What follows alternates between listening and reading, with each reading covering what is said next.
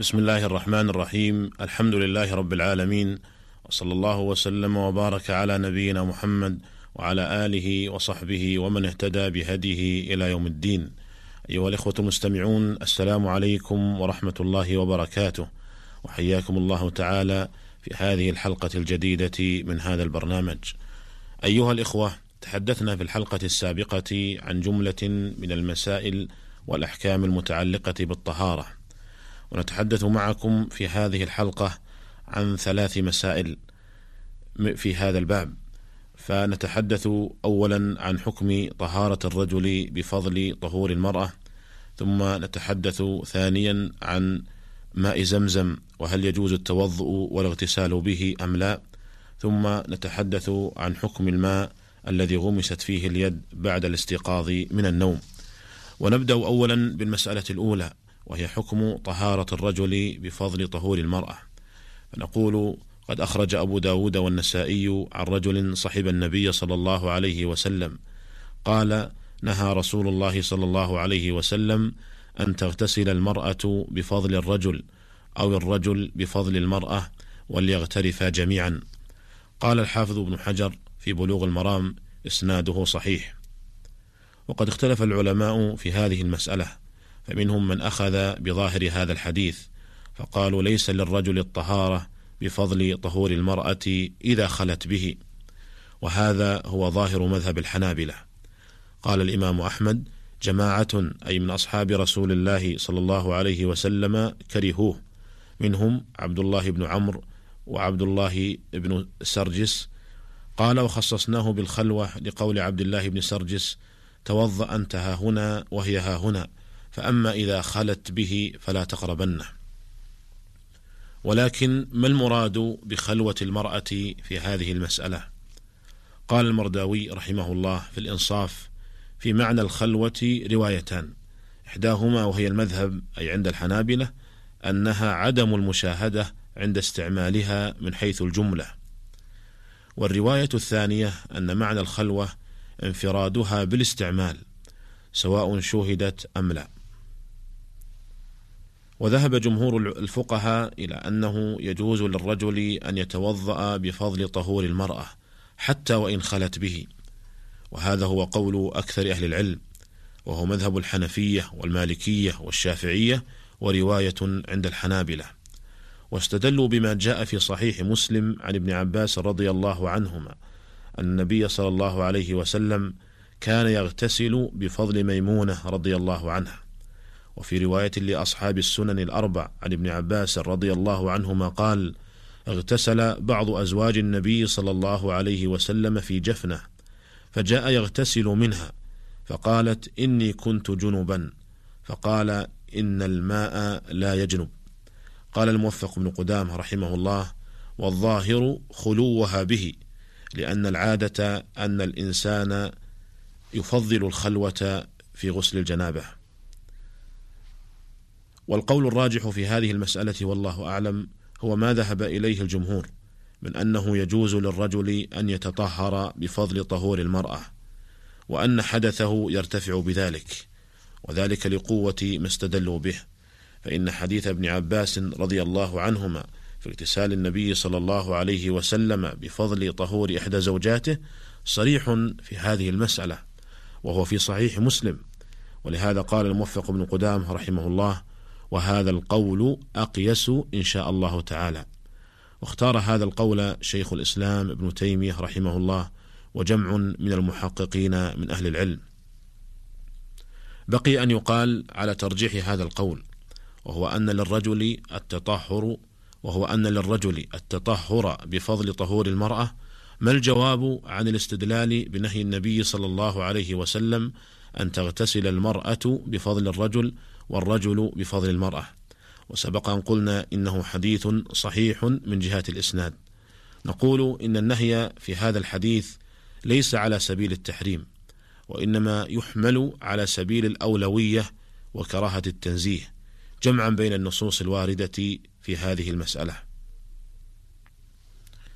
ويجوز للرجل وزوجته يجوز لهما أن يغتسلا جميعا من إناء واحد من غير كراهة.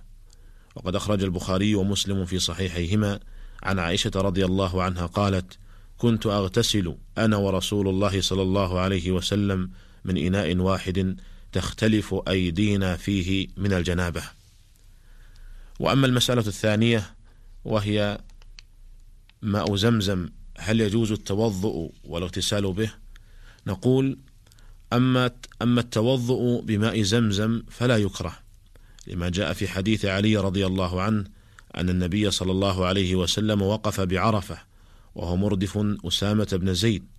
الحديث وفيه ثم أفاض رسول الله صلى الله عليه وسلم فدعا بسجل من ماء زمزم فشرب منه وتوضأ.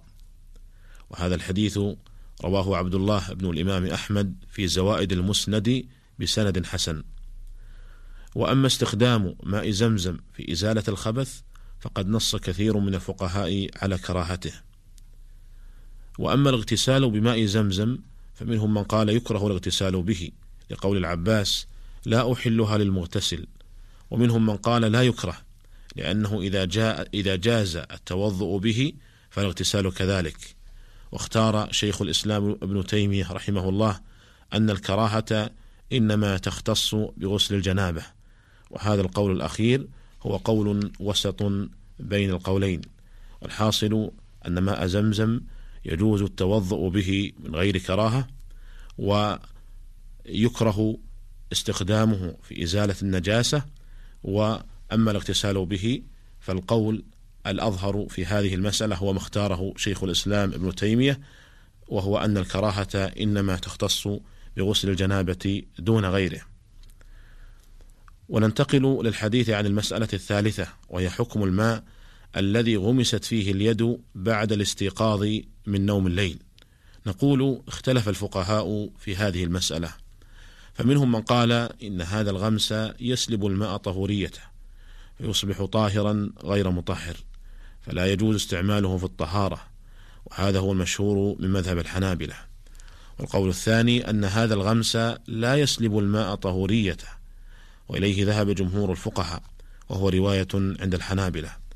والأصل في هذه المسألة هو حديث أبي هريرة رضي الله عنه أن النبي صلى الله عليه وسلم قال إذا استيقظ أحدكم من نومه فلا يغمس يده في الإناء حتى يغسلها ثلاثا فإنه لا يدري أين باتت يده متفق عليه وقد استدل أصحاب القول الأول بهذا الحديث على أن غمس اليد في الإناء من قائم من النوم يسلب هذا الماء الطهورية.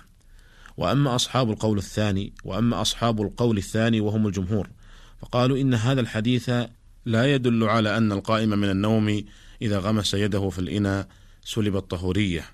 قال الموفق بن قدامة رحمه الله وهذا القول يعني قول الجمهور هو الصحيح إن شاء الله تعالى لأن الماء قبل الغمس كان طهورا فيبقى على الأصل. قال ونهي النبي صلى الله عليه وسلم عن غمس اليد. إن كان لوهم النجاسة فالوهم لا يزيل الطهورية كما لم يزل الطهارة. وإن كان تعبدا اقتصر على مورد النص وهو مشروعية الغسل. انتهى كلامه رحمه الله.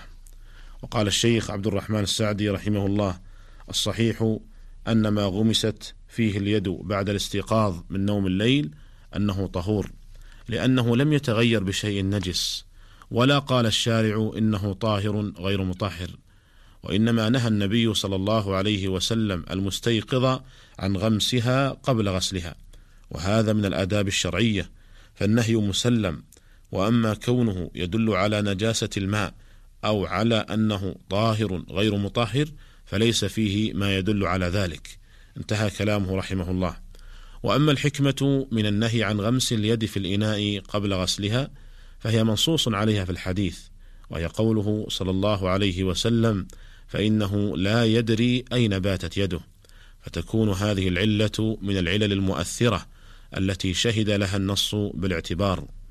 وذلك أن قوله صلى الله عليه وسلم فإنه لا يدري أين باتت يده إشارة إلى أن الباعث على الأمر بذلك الغسل هو احتمال النجاسة لأن الشارع إذا ذكر حكما وعقبه بعلة دل على على أن ثبوت الحك دل على أن ثبوت الحكم إنما كان لأجلها.